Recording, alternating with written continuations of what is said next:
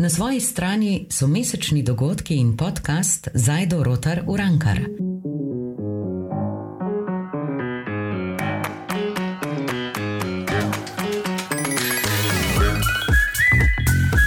Živijo, pozdravljeni v podkastu na svoji strani.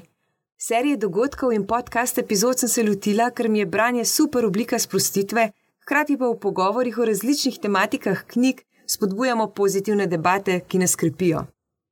Rada bi se zahvalila vsem partnerjem dogodka in podcasta, mladinski knjigi, Kaval Grupu, Hiši Viziji, Malinci in Sanskemu šopku. Uživajte v pogovoru, ki je potekal v čudoviti kavarni Mao. Danes je z nami Aljoša Bagola, najbolj znan in priznan slovenski kreativni direktor, odličen predavatelj in rečemo kar serijski generator idej. Hvala. hvala. Kar pa najbolj cenim pri tebi, Aljoša, je v bistvu to, da si padel čist na realna tla, se z njih pobral, potem si naredil iz sebe nekaj več, s tem, kar si skozi svoje izkušnje začel družbi dajati nazaj. Uh, s tem, kar svoje znanje in izkušnje pol tudi deliš z drugimi, marsikomu pomagaš iz podobnih težav, da ne začnejo čist nule. Ne? In to je tisto, kar te v bistvu v življenju postavi na čist nek drug nivo. Zagotovo, mislim. Bolečina v življenju vedno najprej pride kot dramilo, in uh, potem kmalo postane zdravilo.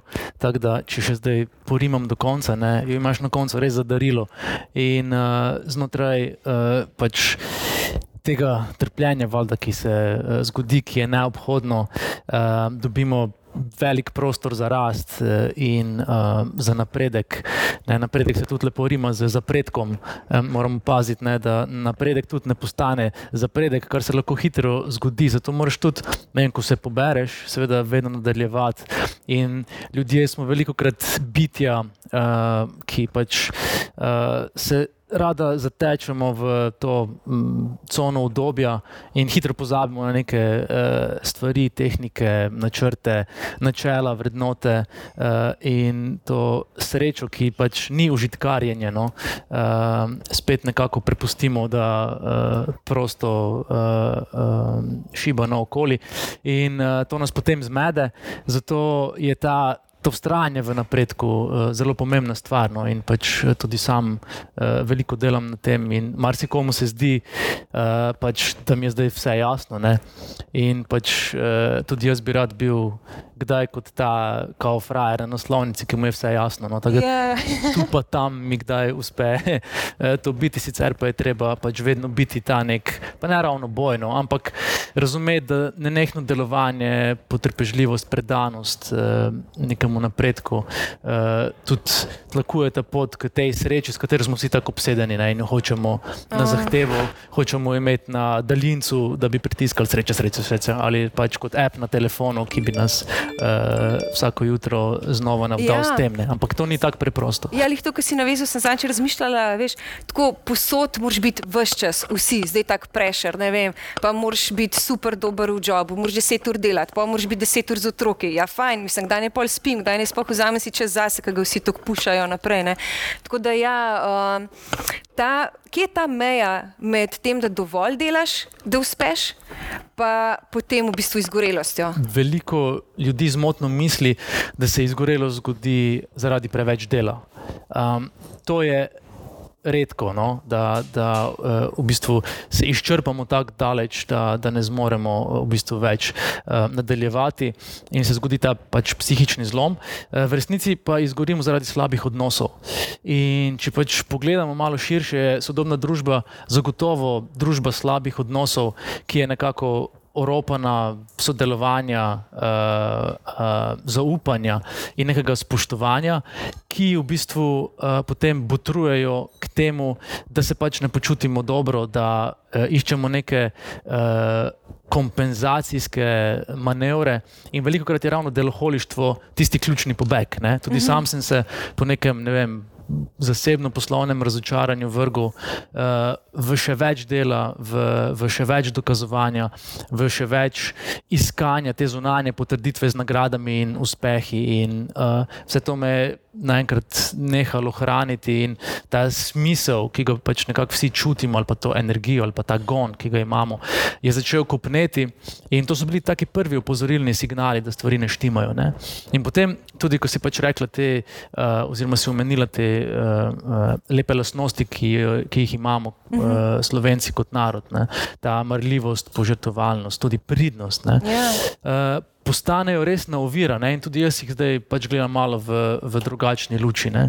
Tudi zgodovinsko biti priden pomeni ne, ne biti ravno brihten. Ne? To je ja, etimologija ja, ja. zadaj in to moramo v bistvu znati preseči. In mi se dejansko, zato da krepimo občutek svoje vrednosti, potem zatečemo v te manevre dokazovanja eh, in dvigovanja eh, te neke eh, lastne vrednosti.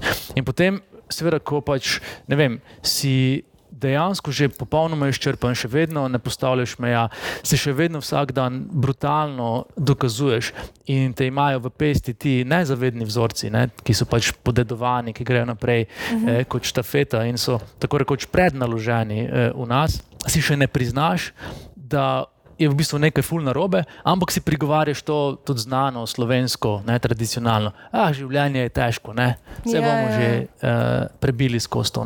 Jaz sem to momljal in si prišepetaval in godrnjal uh, predolgo, in potem, seveda, ne, če pač ti življenje toliko krat želi nastaviti ogledalo, da se v, uh, v, v njemu končno uzreš in tega ne storiš, te seveda na naslednjem odseku čaka zid, mm. ker tistemu pa se ne moreš uh, nekako izogniti in moraš sprejeti tam neke zelo konkretne, zelo določene ukrepe. Ker si navezal na to delovnost, ne pa naše navade, ker ti si iz okolja, v bistvu, kjer ste doma deloholiki, kot sem brala v knjigi. In um, do kere mere se ti zdi, da je vse to prirojeno, na koliko pa lahko to vplivaš? Mislim, okay, zdaj, enkrat, ki se ti tega zavedaš, ja, ampak tako nasplošno gledano, ne vem, če si deloholika, je to nekaj, s čimer se rodiš ali pač odrasteš v takem okolju? Mislim, zagotovo so neki ti uh, zgodnji vtisi zelo pomembni in pač kar meni uh, spomin uh, dovoljuje uh, nekako prepoznati, je to deloholištvo v naši družini nekako položeno mm. v zibelko. In odraščaš pač vem, v gostilni, kjer starša delata 16 ur na dan, to je pač običajni yeah. Ja. delovnik, greš ta stokrat čez sebe. In se ti zdi to čisto normalno, ne? ampak v sebi nosiš nek gnev, neko jezo, ker veš, da stvari ne štimajo, ker pač ne vem, na vseh družinskih srečanjih smo otroci sedeli sami. Ne?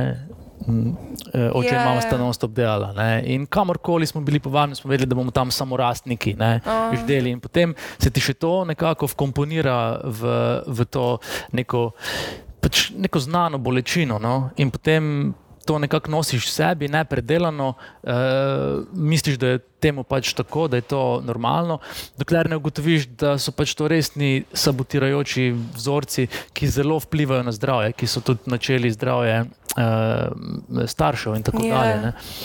In e, zato. E, pač na eni točki, ko imaš pa polno energije, ko sem jaz prišel vem, študirati, eh, pa spoznal to kreativno okolje, je bilo to meni popolnoma naravno, naravno soživo sem tem.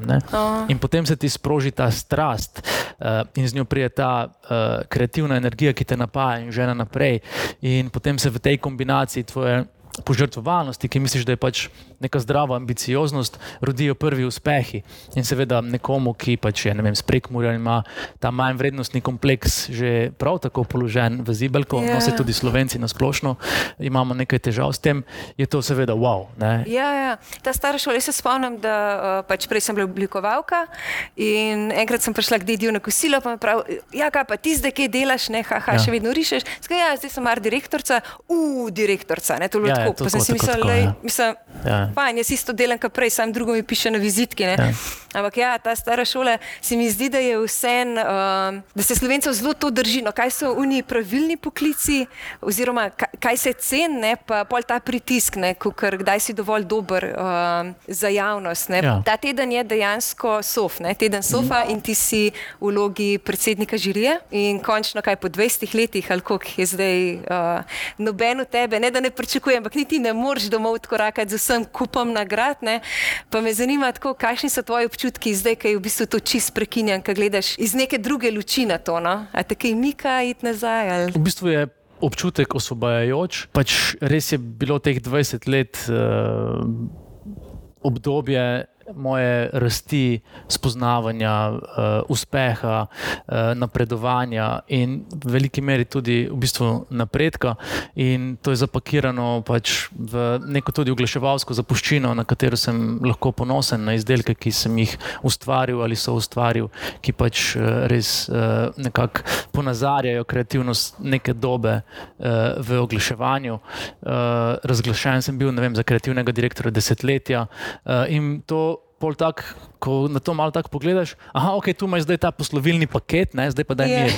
In potem, uh, recimo, ko se mi je zgodila izgorelost uh, in sem nekako uh, čutil, da v bistvu je ta moj konflikt z oglaševanjem, uh, ker sem pač uh, šel predaleč, v kombinaciji seveda z ostalimi življenjskimi dejavniki, kot je družina, žena, igralka, ki je večino popoldnevo in večerov v gledališču, ja, tu, ja. potem si tako malo oče, samo hranilec. Še, uh, po, potem, ko vodiš največji kreativni oddelek v državi, je seveda bilo jasno, da na ta način več ne morem nadaljevati, da ne morem biti več ta nepremagljivi uh, uh, supermen, ampak seveda v tem sesutju si tega tako nisem mm. zmogel ali pa dovolil, ali pa uh, uh, nekako nisem prepoznal, da si lahko to pač dovolim in priznam. No. Ja, ker si na nek način si ti kot nek vrhunski športnik, nekaj končal ja, kariero ja. na vrhuncu, dobro, sicer hkrati na dnu po počutju, ne? ampak za sabo pobral si vse, kar je možen, si dejansko najbolj uspešni kreativc v Sloveniji. Tako da pri teh letih, pa niti še nisi senset, kaj imaš vse za sabo, je to res nekaj, na kar si lahko ful ponosen. Tako da ja, me to zanimalo, te vse, kdaj mi kaj veš iti nazaj ali vidiš to, da v bistvu si tok dosegel, da neko novo poglavje odpreš. Mislim, pač meni je to udejanjanje mojega talenta na tem področju je fulno naravno.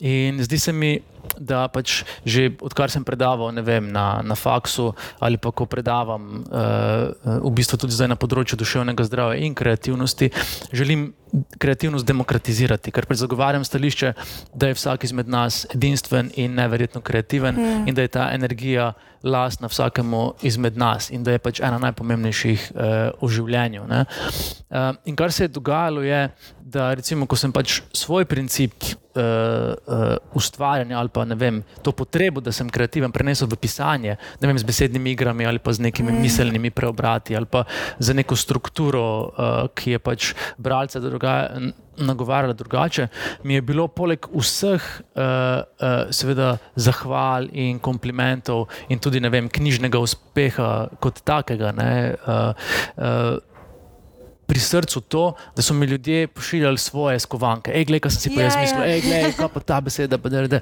In v bistvu to je tisto, kar je zelo, zelo uh, lepo. In uh, v slovenski tradicionalni vzgoji je seveda kreativnost nekako nezaželena in prepovedana. Ne? Mm. Ker prejšnji sistem je bil sistem uravnilovke, ker je bilo zate poskrbljeno, če si ustrezal temu uh, konfiguratorju, da si pridem, da ne govoriš nazaj, da nisi v breme uh, režimu. Ne? In pol je bilo vse ok, zato so pač mame govorile: tiho bodi, pridem, bodi, ne govori nazaj. Ne? To je ta tudi zgodovinski refleks. Oh. In seveda je to v popolnem konfliktu z tem, kar kreativnost prinaša. Kreativnost vedno prinaša spremembe. Ne? kreativnost vedno prinaša rešitve, ki zahtevajo trnovo pot ali pa zahtevajo cono ne, neodobja, nelagodja. Ne? Mm. Pripovedovanje zgodb, če hočeš ti zgodbo povedati, v bistvu vsebuje konflikt. Ne? To že po Aristotelu in njegovi osnovni zgradbi strukture. Ne? In konflikta danes več ne, ne prenašamo, ne? konflikta se bojimo, ker je. Eh, zgodovinsko lahko pomenil, vem, da si pristal v zaporu ali so te izvrgli mm. iz družbe, plemena, kakorkoli že. In danes se slika še en drug problem, in to je, da družbeni mediji v bistvu uh, template zgodbe ponujajo kot nekaj Eh, za čimer ljudje upodabljamo banalne trenutke. Mm. Instagram ima story, Facebook ima story. Ampak to, da se pač mi pofotkamo, kako jemo zajtrk ali pa kako uh, stojimo pred ogledalom, to nima veze z zgodbo. Yeah. Ja. In to je ta zelo dragocena vr, uh, valuta, ker to je zgodba je eno izmed preživetvenih orodij civilizacije, full ogrožena. Zato, ker mladi odraščajo v prepričanju, da je to, uh, uh, da se upodobiš, ja. Ja, da je to zgodba. Ampak to to nima nobene zveze z tem. In zgodba vedno zahteva konflikt, in potem, ko prijemo do konflikta, ga pa ne zmoremo prenesti. In pač tu nastajajo neke vrzeli. In če se vrnem k tvojemu prejšnjemu izhodišču, ne, ker pač ti je dedek povedal, da je končno, direktorica si ne vsa čas. Ja. In ta pogled. Spoštovanih, ustoliščenih mm. poklicev nas dejansko pri tem iskanju sreče, ful, ovira. Sreča je namreč vedno posledica, nikoli ni cilj. In sreča je vedno posledica odkritja svojega talenta in tega, da si dovoliš svojo edinstvenost. Ne? In to je pri nas ful, ful, ful uh, težavno. In po drugi strani tudi ta družbeno-medijski svet to po eni strani daje ne vem, na, na, na neke uh, steroide, aha, vsak je lahko edinstven, vsak je lahko se lahko No, izrazi saj po to, svoje. ja. Ampak v resnici pa gre samo za formulo posnemanja in A. primerjanja uh, z drugimi. Ne? Tako da Ja.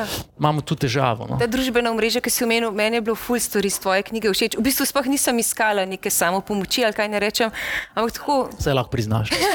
Vse je v redu. Ne, ampak vse mi je tako pomagalo, da sem se prav zamislila, pismo mogoče sem jo porabila. veš. Ja. No in ta stavek, ki mi je vstal pa tako najbolj v spominu, uh, ker sem si prav rekla, tako se sem cel life že vedela, da nekaj obstaja, zakaj me je nečesa strah, pa nikoli nisem znala ubesediti in ker sem prebrala to, ker nas je strah, da bi delali napake in ker živimo v svetu, ki naše napake takoj kaznuje, tudi z družbeno-medijskim zasmehovanjem, z raznimi Instagrami, Facebooki in tako naprej, raje poniknemo v dobje povprečnosti. In točno to, a veš, kdaj sem si mislila, nečesa me je strah in potem sem sama pri sebi predebatirala, ok, česa me je strah, ja, da bi kdo s prstom na me pokazal, yeah. to sem naredila. Potem sem si prav rekla, ok, če so moja moralna načela taka, pa sem nekaj tako naredila, ok, če se mi je pa nek gumb na hlačah odpel, pa je to zdaj na fotki, lej, zakaj, tudi če se mi folk smeji, ne, pač lej, tak je life. In to si tako dobro napisal, se mi zdi pa, mislim, strah me je, predvsem za te mlade, za mlajšo generacijo. Mi znamo ločiti ne, ta Instagram od realnega sveta, ali pa ne samo Instagram, tudi medije, ne, ja, približen, ja. Tako, recimo, da smo še Recimo. unmix, ja, Ja. unmix realnosti, ker smo odrastali v analognem svetu, Ja. pa smo pol to posvojili. Ampak recimo moji otroci, ne, uh, pa tako, ko gledam kakšne te filme, dejansko si ljudje jemljajo življenja Ja. zaradi teh pritiskov. Ne. Kako ti probaš svojemu otroku ta reality predstavljati? Da se sploh o tem že kaj pogovarjate? Mislim, odkar je v šoli, je to, uh, ta medvrstniški pritisk, oblike različnih vzgoj ali pa različno postavljene meje pri otrocih, se seveda pomešajo in potem so vsak dan uh, neke novosti. Ne? Ja. Danes je bilo, kaj je to seksati ne? Ja. na, na sporedu, recimo po šoli. Um, in zdi se mi, da je zgolj skrajna tabuizacija uh, neprimerna. Ne? Kot sem v knjigi napisal, v tej besedni igri, vsak tabu buta. Ne? Tabu buta, zato ker vse, kar je potlačeno, uh, se nekje pojavi in to v uh, še bolj nevarni obliki, uh, kot uh, bi sicer prišlo na plano. Ne? In to so take banalne stvari. Ne? Nekateri otroci ne smejo niti slučajno jesti sladkari ali gledati televizije. In potem pridejo nekam na obisk in pojejo vse, kar najdejo sladkega, in gledajo televizijo, kot da, da so videli vesoljsko ladjo uh, v živo. Ne? In zato je pač. Pri tem odgovornem starševstvu, seveda, treba prepoznati tudi neke, ne vem, uh, te predaje, štafete, no, kot uh, smo je bili deležni mi, in v to vnašati neke korekcije. Ne? In pač, ko jaz prepoznavam neke uh, uh, ne vem, vzorce, um, ali pa se grem neko rokohitrstvo z grajo, ali pa z oštevanjem, ali pa z nekimi stvarmi, pač se vseeno provam držati nazaj in premisliti, kaj me v, v, v resnici daje. Ne? Zato, ker res veliko krat vzgaja, vzgajamo neizprašano no? in živimo neizprašano. Ne? ne, v bistvu ne živimo, ampak meglimo. In, um, Zgolj zato, ker smo mi bili vzgojeni na določen način, še ne pomeni, da je to legitimna ali priporočljiva oblika prenosa tega uh, v, v to uh, življenje. Sploh, ker dan danes uh, tehnologija omogoča ali pa predvsem izvaja izjemne pritiske na mlade ljudi, brez da bi se starejši tega zavedali. Mm. Jaz veliko predavam na srednjih šolah, eh, na, na osnovnih šolah in jim tudi to tematiko problematičnosti družbenih omrežij poskušam približati na, eh, na nek eh, zdrav način, da razumejo, kako funkcionirajo algoritmi, da nas v bistvu silijo v to nenehno upodabljanje sreče sebe mm. kot srečnih, ker pač s tem dobimo več lajkov, več sledilcev. In ta dva mehanizma v bistvu ugrabljata ta naš biološki ustroj, ne? ker si ti prej rekla, uh, zakaj te je strah, kaj si bodo drugi mislili o tebi. Yeah. Ja. To je najbolj onemogočujoče vprašanje v našem življenju, kaj si mm. bodo drugi mislili o meni. Ampak je povezano z našim biološkim ustrojem strahu, ker včasih, če smo naredili napako, če, včasih, če nismo ustrezali ple, ple, plemenu, ne, če, nismo, uh, če smo delali preveč napak, nas je pleme izvrglo in yeah. Ja. seveda nismo preživeli. Tako da vedno nas je strah smrti. Ne? Ojoj, kakšen sem zdaj v resnici, ne, ti se izprašuješ racionalno, pa mm. dobro, pa kam me zdaj briga, kaj si mislijo, ne, ampak te žre in se racionalno boliš s tem, kar te žre in pol full energije porabi za to. Ne. In v ja. zadju je pač ta preživetveni strah eh, pred smrtjo. Ne. In družbeni mediji ugrabljajo tudi te mehanizme nagrajevanja naših možganov ne, z izločanjem dopamina ne, kot eh, tega neurotransmiterja, kjer smo si. Ne.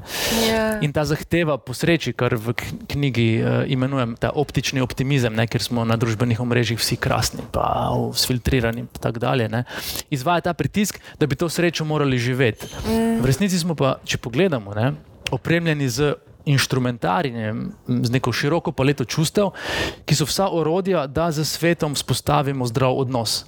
Ne, mi pa forsiramo samo srečo. In to je energijsko nevzdržno, ne moreš biti vse čas srečen. To vem, je, je nemogoče. Ne?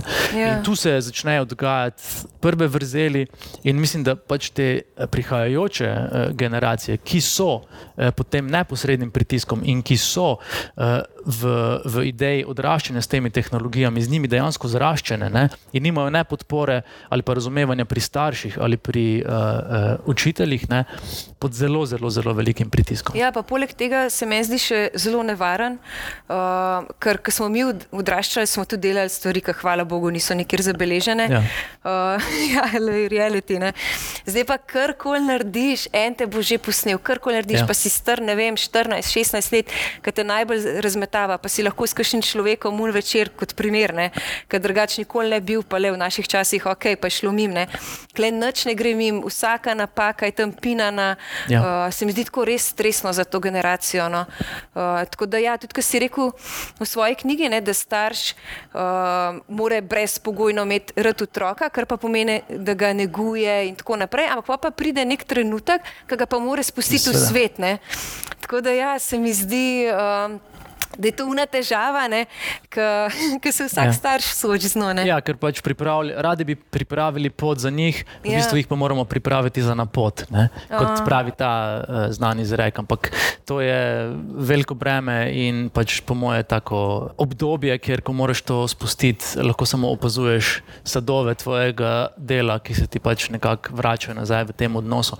In zdi se mi, da je tudi v Sloveniji veliko nezdravega odraščanja. Uh, in veliko otrok v odraslih telesih, yeah. ker pač ta popkovina ni prerezana. Uh. Tudi imamo te, ta sindrom požrtvovalne matere, mm. jo vse naredim za te, ti pa meni tak. Ja, ja, ja. Imamo vsiljena pričakovanja, uh, kjer pač starši uh, ljudem izbirajo šolanje, poklice, uh, se na mesto njih odločajo v odraslem življenju. In v bistvu, če ti sam ne sprejemaš svojih odločitev, če ti ne, ne zmoreš uh, izbirati in se odločiti, nimaš najdragocenejše valute ki je pomembna za izpolnjeno življenje in to je zaupanje vase. In zato je mm. najpomembnejše, da ti otroku znaš privzgojiti to, da zaupa vase. Ne da ti na mesto njega narediš, ampak da mu pokažeš svet kot možnost izbire, ki, če je povezana z nekimi osnovnimi vrednotami, ne, te potem dejansko približuje k sebi in ti omogoča, da, da živiš razbremenjen tudi teh strahov, kaj si bodo mislili, kaj bodo rekli. In da če je ta trajektorij uh, v bistvu tisti, kjer sta tvoja edinstvenost in tvoj talent, uh, je potem to. Potem si lahko kot starš čestitaš good job. Uh, ja, pa v teh težkih trenutkih, uh, ker recimo ti si rekel, da si bil psihično in fizično čist sesud, mm. um, takrat se res pokažejo tisti pravi ljudje, ne, ki ti stojijo ob strani, ja. ki jih v lifeu tako spoznaš. Pa me zanima, ja, kako so prijatelji odreagirali. So se razdelili na te dobre in namišljene, ali kaj ne rečem. Tako, uh, kakšne so tvoje izkušnje? No? So ti ljudje stali ob strani? Zagotovo, to je pač um, prednost in vrednost družine, ki, je, ki pač postane tvoje zavetje. Je pa pri izgorelosti težava v tem, da ti dejansko ne kažeš nekih posebnih fizičnih znakov. Pač mm. zdaj, vso to psihično breme, ki se nabira, se na eni točki manifestira skozi bolezni. Izgorelost je psihična bolezen, ne vem, pol pa imaš rak, ki je duševno sladkorne. Pač vse to ne, je nepopucan posledica tega, da, da smo yeah. Ja. notranje tako silovito onesnaženi in uh, tega ne počnemo. In Seveda je pač tako, ti si prej, ne vem, on supermen, ki zmore vse, ki dobi vse nagrade, ki naredi vse projekte, ki razbremeni svoje sodelavce, pejte vi domov, bom jaz, ki napiše pol zvečer še kolumno, ki gre predavati, ki ne reče ne in je najbolj prijazen. In to je v bistvu ta, uh, to se moraš vprašati. Ne? Če ti vsi govorijo, jo, ti si pa tako fajn. Ej, ti si pa tako prijazen, ti si pa vse to, to je nekaj narobe, yeah. Ja. nekaj ne štima. Ne? In jaz sem bil vedno un, ki je pijane frende odpeljal domov, uh, ki je poskrbel za to, da je pač, uh, bilo vse narejeno oh. v oštariji in tako dalje. In, tak in to je v bistvu pač ta moj nek psihoprofil, uh, ki je pač pogojen ravno s tem vprašanjem. Kaj si bodo drugi mislili o meni? Jaz sem mm. vse čas spremljal dejansko o tem. Ne? In odraščanje v gostilni je podvrženo temu, ne? ker pač zato, da se gost vrača, moraš ne, imeti ne vem, perfekcionizem kot nek mm. higijenski minimum v resnici. Ne, in to so pač starši tudi nekajno dajali vedeti. Ne, in potem se to te prime. Ne, tak, kot otrok si kot un, kot če bi imel obleko iz ježkov. Ko se yeah. vse, nekaj lahko mečeš v nažočje. Sam poziraš. Ja. Ja. In uh, to je seveda. Uh, velika težava, ker če s tem pač ne obračunaš pravočasno, imaš potem, seveda, naprej težave. In ljudje, zdaj, če je izgorelost, aha, kaj zdaj, uh, moraš se malo naspati, ne pa v redu. Mm. Ja, ne. Ti si konc. Ker, bistvo, če prijemo na prizor neke grozljive nesreče, ker ljudem štrlijo rebra iz prstnega koša, rečemo, o moj bog. Ne? Pri izgorelosti se ti isto počutiš, ist, na psihični ravni je to konec. Ne? In pač ti uh, namečajo za delo, to, to, to, to, pričakovanja so mm. ista, uh, ti pa ne moreš v bistvu, mislim, živ, živiš sekundo za sekundo yeah. Ja. v največjem možnem strahu uh, v, v življenju. In to je težko dopovedati. No? In zato pač tudi mi je fajn, ker mi zdaj ljudje pišejo, hej, zaradi tvoje knjige lahko nekomu povem, kako se počutim. Čeprav yeah. tega ja. ne znam izraziti, in pač, hej, tako, tu, gledaj, to. Yeah. Ja. Res, ja. in to je pač. Uh, pomembno, pomembno uh. vedeti, uh, razumeti, ker pač veliko ljudi dejansko trpi. Uh, imamo veliko možnosti, da, da to zakrivamo, da se o tem zlažemo, uh, da prikrivamo. In kot pravim, ko se to pač nalaga. Uh, potem uh, samo eksplodira na različne načine, mhm. posledica katerih so čakalne vrste v bolnišnicah, eh, kirurških oddelkih, yeah. Ja. psihiatričnih uh, oddelkih, pri psihoterapeutih, ki jih je najmogoče dobiti, ali pa vem, pri številu 500 tisoč, koliko je slovencev, ki je na antidepresivih. Kar je, ja, kar je wow. noro. Ja.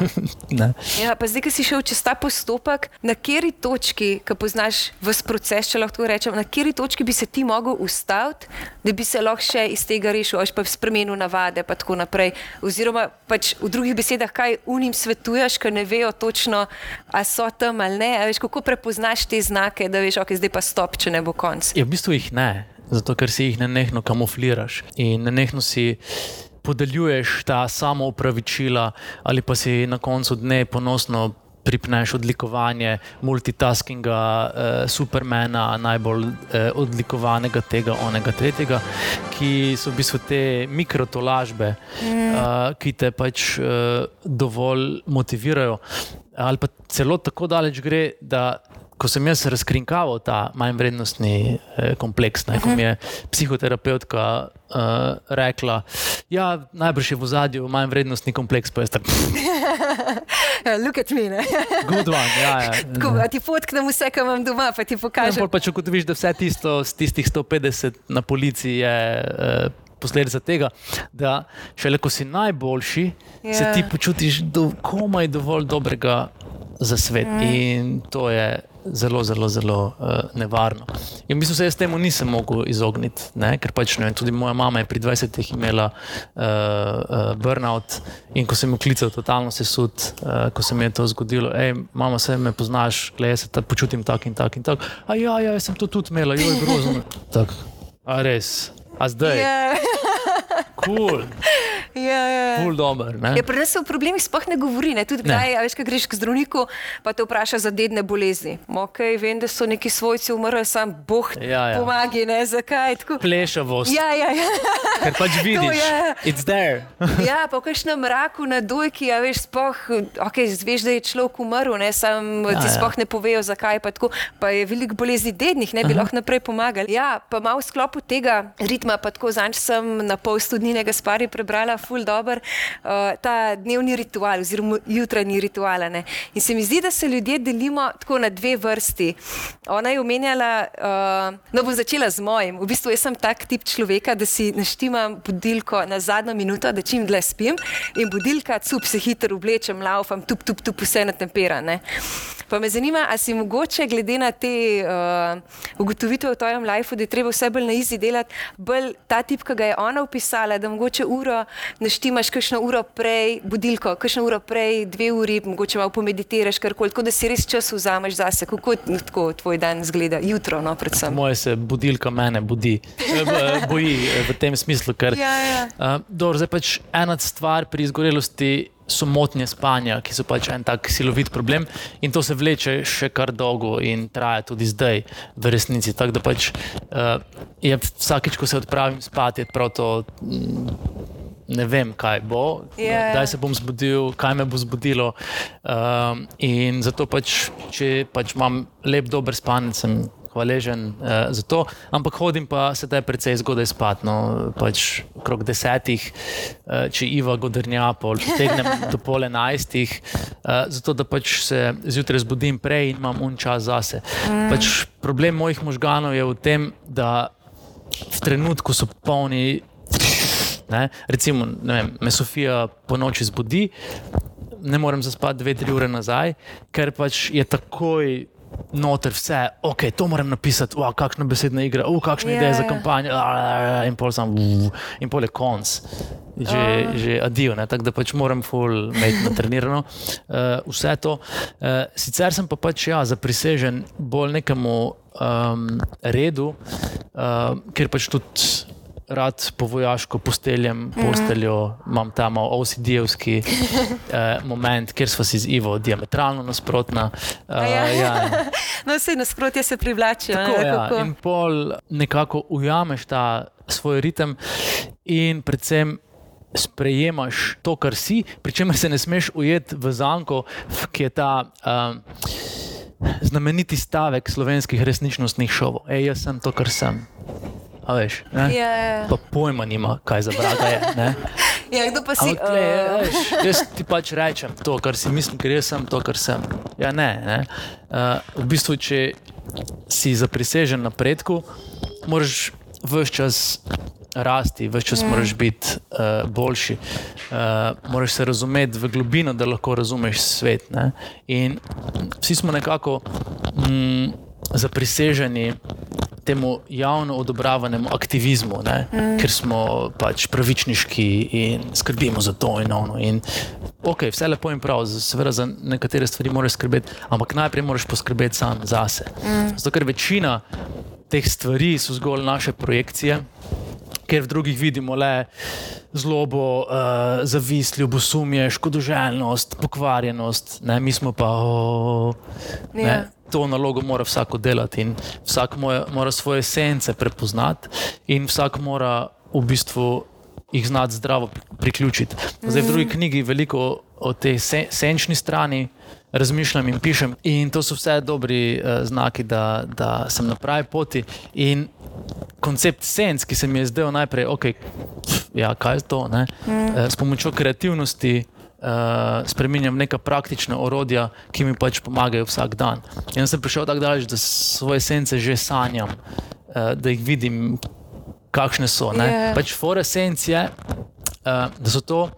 Uh, daleč stran potisnjeni deli nas, ki so popolnoma legitimni deli naše osebnosti, ne? ampak so nam jih starši v eh, procesu odraščanja, ker so nas seveda morali kultivirati in civilizirati, prepovedali. Mm. Zdaj užaljeni ždijo tam globoko v nezavednem in nas sabotirajo. To, iz tam prihaja to sabotirajoče eh, vedenje. Zato je tudi, kot pravi Jung, druga polovica življenja namenjena temu, da spet postanemo celoviti. Ne? Ker kot otroci se rodimo celoviti. Ja. In pač naloga staršev je, da pač en ta del, ki bi sicer bil ne, nekontroliran, mm. ki bi pač, ne, če bi otroci odrasli kot. Take bi si vzeli, kar hočejo, eh, ne, ne imeli postavljenih meja, to bi bil totalen kaos. Mm. Ampak da bi se pol te sence odkrivamo in jih nekako na zdrav način priključimo nazaj. Ne. In to so v bistvu ti deli, ki si jih ne dovolimo in nam vse čas silijo, hej, glej, to sem jaz, del tebe, ne? mi pa to vidimo v drugih kot nevarnost. Tako da, ko nam gre nekaj ful na živce pri nekom drugem, se moramo takoj vprašati, če se si ne dovolimo sami. Ne? Tako, to je zelo preprosto vprašanje, ne? ker vsi smo polikani, pa spolirani, pa nekaj vse ne. In pač vsi znamo narisati in jank, pa marsikdo ga ima tetoviranega ali pa na ohranjevalniku zaslona, v resnici ga pa ne živimo. Ne? Yeah. Ja. In pač ti moraš, kot pravi ta Kenan Crnkič, po tej znani uh, indijanski pripovedki. Ne, uh, uh, hraniti belega volka in črnega volka v sebi. Mm. Ker če je črni volk podhranjen, bo napadal belega v vse čas. Ja. In to je tudi ta, v bistvu naš biznis ali pa cela ta ameriška. Izvožena kultura popolnosti, fantastičnosti, vsi smo brand, vsi smo samo to. Ne? Dokaz, kako je to narobe. Glej, samo kaj se zdaj dogaja v Ameriki, kako se to oče ven. Mm. In ti moraš vse čas to senco zdravo nositi uh, pri sebi. Ne? Jaz bi se ful sekiral, kako sem zamujal, kako sem lahko naredil. Pač, ne, neki sem, ja. nisem bil z senco povezan, pa me je peljala v kavarno. Sem, mal, kavarna sem tako navigacijsko ime, sem. Ja, ja. pač, ok, sploh ne razmišljaš. Zdaj, tudi, ko si mi rekel, ja, veš kaj, v napačni kavarni sem, sem mislil, ja, lej. Nič hudega, ne? pač ni unga stresa. Kavarni je, ne? Ja, ja, saj nekaj. Ja, ja. Ni unga stresa, ne? tako da. Ja, sem tudi jaz, ko malo pri sebi začela no, razdeljevati te stvari v lifeu, ki so res vredne stresa, pa tudi mene ja, ja. iztirijo, pa ne najdem besed. Da je pa ti skaveš, le, nič hudega, sej bomo preživeli, ja, ja. pa pač greš naprej. Ja, ja. No, in ja, in na to, eh, še na to temo, ki si napisal tudi, da se preveč ukvarjamo z vsem, kar nam manjka, pa premalo smo hvaležni za vse, kar imamo. Tu bi se mal tak miks z unim social media prej, ne, da vsem, vsem vidimo sam najboljš in si mislim, aha, tega nimam, tega nimam, tega nimam. Mm. Ne vidiš pa, kaj vse ti imaš, kaj ti nekdo drug mogoče zavida, pa klej sploh ni fora zavidanja, klej fora, da si ti kot človek že čist popoln, čist celota. Ja. A še vedno uh, v lifeu najdeš se kdaj v teh mislih tako ujet, kot kar v to mi manjka, to mi manjka. Mm. Pa, tako, kako greš pa ven iz tega, kako sam sebe prepričaš, da se imaš vse, ne se imaš ne vem, najlepšo ženo na svetu, popolnega otroka, perfect job. Tako, ja, mogoče je lih težava že v teh presežnikih, ki si jih moraš govoriti. Ja. Popolna žena, popoln otrok, popoln job. Uh, v bistvu si pač rečeš, da imaš nekoga, ki te razume.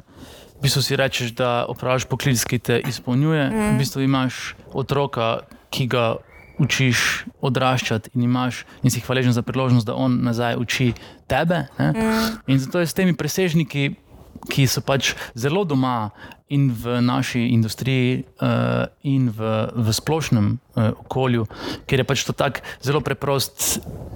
PR-ovski manever za maksimizacijo učinka, ne, da ti takoj skujejo v zvezde in dobijo pozornost ljudi. Yeah. Ja. Uh, ker pozornost je najdragocenejša valuta uh, v sodobnem biznisu, oziroma v sodobnem svetu. Ne? In zato, da bi jo dobili, se uh, uporabljajo presežniki. In zdi se mi, da pač to neko osnovno razumevanje, kaj je dovolj, kaj, kaj je m, izpolnjeno življenje, da to ne pomeni stanje na nek nesreče, ampak da si ok, da si nekje, da znaš biti neutralen, da znaš si dovoliti, da te strahovi pretresajo, ampak uh, pač iznajdeš neko orodje ali pa si jih dovoliš uporabiti ali pa se jih naučiti, da potem to uravnotežiš in ravno to ravnovesje, ali pa kot sem v knjigi napisal, ne, včasih eh, pač, da se recept za ravnoteže skriva v besedi sami, ne, ker včasih nam mora zakaj biti ravno, sicer nam bo, nam bo samo še težje. Ne, uh, in vse čas pač. Nekako ne vem, manevriraš uh, uh, skozi življenje, ker pa moraš imeti tudi zdrava pričakovanja. Ne? Če se pač zbudiš in pričakuješ, da wow, to bo pa zdaj, mislim, Yeah. the best day v mojem življenju. Si si pač uh, nekako zelo visoko postavil Ja. yeah. uh, cilje za tisti dan. Ne? In vse te ne vem, manifestacije, pa vizualizacije so ok, ampak morajo biti nekako ukorenjene v tvojem zdravem odnosu do tega, kar pač lahko od sveta pričakuješ. Ne? In v bistvu je fajn, da pričakuješ čim manj, zato ker je sreča uh, vedno v tvojih rokah in moraš ti si z njo, njo zagotoviti. To ne pomeni, da moraš imeti zelo nizka pričakovanja do sebe ali pa do drugih ali pa uh, do sveta, samo zato, da bi pol bil komaj uh, zadovoljen. Mm. Pravim samo, da moraš imeti resnična pričakovanja in se jih na, naučiti uh, nekako prepoznati, uh, uh, oblikovati in predvsem potem dosegati. Ne? In to se vrnem nazaj na, na začetek, ker je to nenehno delovanje, nenehen napredek, uh, v bistvu tisto, kar. Uh, Je na koncu edina pot, ne? ker živimo v dobi takošnje zadovoljitve. Ne? In jaz sem si tudi pač pri Brnautu predstavljal, da to bo zdaj dva tedna, pa, pa bo kul. Cool, in Ja. zdaj je tri leta, in še vedno ni tako, kot bi si pač človek želel. In pol na, eni točki sprejmeš, da pač. To je dejstvo, in sprejemanje je v bistvu prvi korak k zdravemu soočanju. Ne? Kot pač pravim v knjigi, sprijaznjenje v bistvu pomeni, da si prijazen do sebe ne? in da si sočuten do sebe. Zato, ker mi po defaultu smo do sebe strogi, kritični in, in krivični. Ne? In to tudi skozi ta pričakovanja, ki so pač tam gor zastavljena. Mm. In to, da se naučimo sočutnosti do sebe, seveda terja. Uh, uh, Neko obdobje, neko brisanje tone stvari, tone navlake, ki jo imaš v sebi, ampak to je v bistvu naloga vsakega izmed nas, ker če pač ne vem, bom jaz obračunal z nekim družinskim ali pa rodbinskim plemenom, bo Sofija imela malo manj za domačo nalogo. Ne? In potem bodo Ja. seveda pač prišle druge travme, tretje travme in zato gre. Za nenehno ta yin-yang uh, uh, sobivanje, ne? ker če se preveč samo zatekamo k svetlemu, je tema pol še toliko bolj silovita. No? No, za konec me pa še zanima, uh, ker v svoji knjigi tudi navajaš kot dosti drugih avtorjev, pa iz kje si ti črpo ideje. Pa me zanima ne konkretno za to knjigo, ampak čisto nasploh v lifeu, uh, kaj so recimo tvoje top tri knjige, si si lahko vzameš malo čez Moraš, premisek. ja. no, e, lahko pa sam top ena, evo, sam eno, tako da bi vem, res priporočil komu. Uh, tako kot imam recimo jaz v celi runi normalni ljudje, ki je sicer čist nek splošen roman, tako, ampak jaz se mi zdi, da se lahko vsak najde v njem. Uh, pa, kje je pa tebi ta knjiga, da je res tako ustala v spominu, če je kakšna? No, tako? Mislim, takih knjig je uh, zagotovo ogromno, uh, ker pač. Knjige prihajajo, kot si sama prej lepo izpostavila, uh, v življenje, takrat, ko jih potrebuješ. Ne? Uh, in včasih se tudi hecam temu pravim biblioloterija, uh, ker pač na ključno odprem eno stran in je tam nekaj, kar uh, ne tako sem. Ne vem, prvi teden izgorelosti šli smo na prešerno dan Sofijo v Kranj, smo bili v knjižnici in pač odprem slovar uh, srbsko, uh, uh, slovenski in pa da izgorelost. Prav, ne moreš verjeti. Ne? Ja. In v bistvu ta naš energijski kod, ki ga vse čas ustvarjamo, v bistvu privlači iste energije v naše življenje. Temu v knjigi pravim tudi zen magnetizem. Uh, ker pa če si ne, uštiman, v bistvu začnejo. Tvoje življenje prihajati pravi ljudje, oziroma imaš lahko vedno to kot nek lakmusov papir, kaj se ti v življenju uh, dogaja. Ne? In ko začneš upravljati z tem, kar si, ko začneš postavljati meje, ko začneš prepoznavati to notranjo inteligenco in ji prisluhneš, v bistvu neki toksični odnosi kmalo razpadajo mm. in v bistvu pač kar razdrobi se neko življenje, če trmasto ne siliš vanj ali pa tvoj ego ni dovolj nenasiten, da bi rabo na nekne potrditve in nekne dokazovanja. In isto je tu pri avtorjih. Ne? Recimo, ko pač takoj v tem najhujšem breznu izgorelosti mi je ful pomagal Vadim Zeland z svojim transurfingom, uh, ki je v bistvu neka kombinacija mistike, kvantne fizike in čistega ruskega uh, eksistencializma. Uh -huh. Uh, in potem sem to, kako sem napredoval, dopolnjeval z v bistvu nekimi stvarmi. Ne. Zdaj, trenutno vem, je to Jung, eh, psihologija in alkimija, ki je pač ne, bukla, bukal. Uh, in tako pač se družim s knjigami, uh, tako kot uh, pač je to prav, da mi mhm. prihajajo v življenje uh, in da, da se jim pač nekako prepuščam v tem smislu. In seveda zato tudi svojo drugo knjigo, katero rokopis sem napisal v karanteni, čisto nepričakovano, nekako ne vem, oblikujem.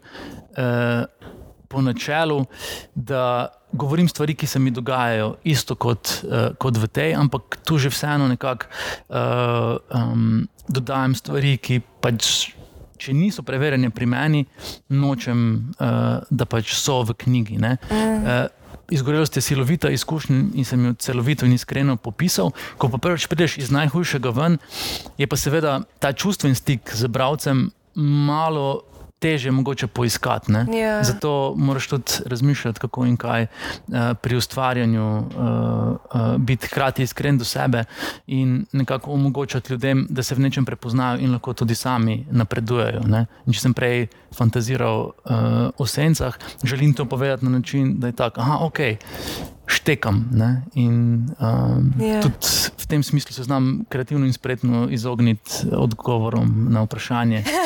Spomnim sem se, da ti je nekdo zastavil na Instagramu vprašanje, kaj si rečem, ko moram iti preko sebe. Ja, vidiš, ja, to sem pozabila. Evo, hvala, da sem se spomnil. Ja. Mogoče lahko tu se navežem na uh, knjigo Predanost, ja. uh, ker je pač noter bil en lep stavek uh, za.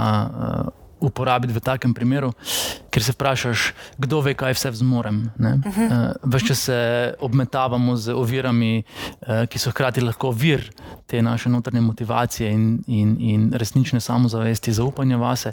Ampak ta, kdo ve, kaj vse zmorem, je. Izvrsten stavek iz yeah, ja, knjige Predanost, ja, uh, dr. Angela Duckworth je to napisala. Um, sicer pa pač mislim, da je vedno treba iti k sebi, no? da greš lahko preko sebe. To je edina pot uh, ja. v tem našem odraščanju. Super, hvala. Vidiš, jaz sem imela pa sodelavca, mi je pa ta njegova misel vedno ostala um, v glavi, kadar ima še en težek trenutek. Jo, mislim, on je rekel, da vsak dan, ko se zbudi, se pogleda v gledalo, pa si reče, a smo če na všoku in s tem svojim naglasom. In jaz res prav, da sem v teh trenutkih, ko se mi zdijo, šit zdaj pa konc, si tako predstavljam tega aljaža, ki je res tako vrhunski vsem, ki dela, pa hkrati tako skuliran tip. In si rečem, ma da je, no, a smo če na v šoku. Res ja, ja. sem takoj, mislim, to je to. No. Mislim, ta bi bila tudi po uh, uh, strukturi na glasu, oziroma po ritmu, ja. komod za japonski ikigaj. Ja, ja, ja. Čist japonsko zveni, vem pa, da je koroško. Uh, ja, ja. In pač, ja, pač nekaj imamo, kar nas lahko v vsakem trenutku mm. nekako pomiri. Uh, Ohrabri, sam pač, da ni ta uh, uh, slovenski just do it. Ja, ja, ja. Življenje je težko. Ljuša, najlepša hvala za tvoj pogovor. Reži, knjiga je bila res vrhunska, uh, pa še zdaj evo, sem par bonusov odnesla, tako da ful hvala. Hvala za povabilo. Hvala tudi uh, vsem, ki ste prišli. In najlepša hvala še enkrat res vsem partnerjem. Upam, da ste uživali in hvala tudi vsem, ki boste poslušali podcast. hvala.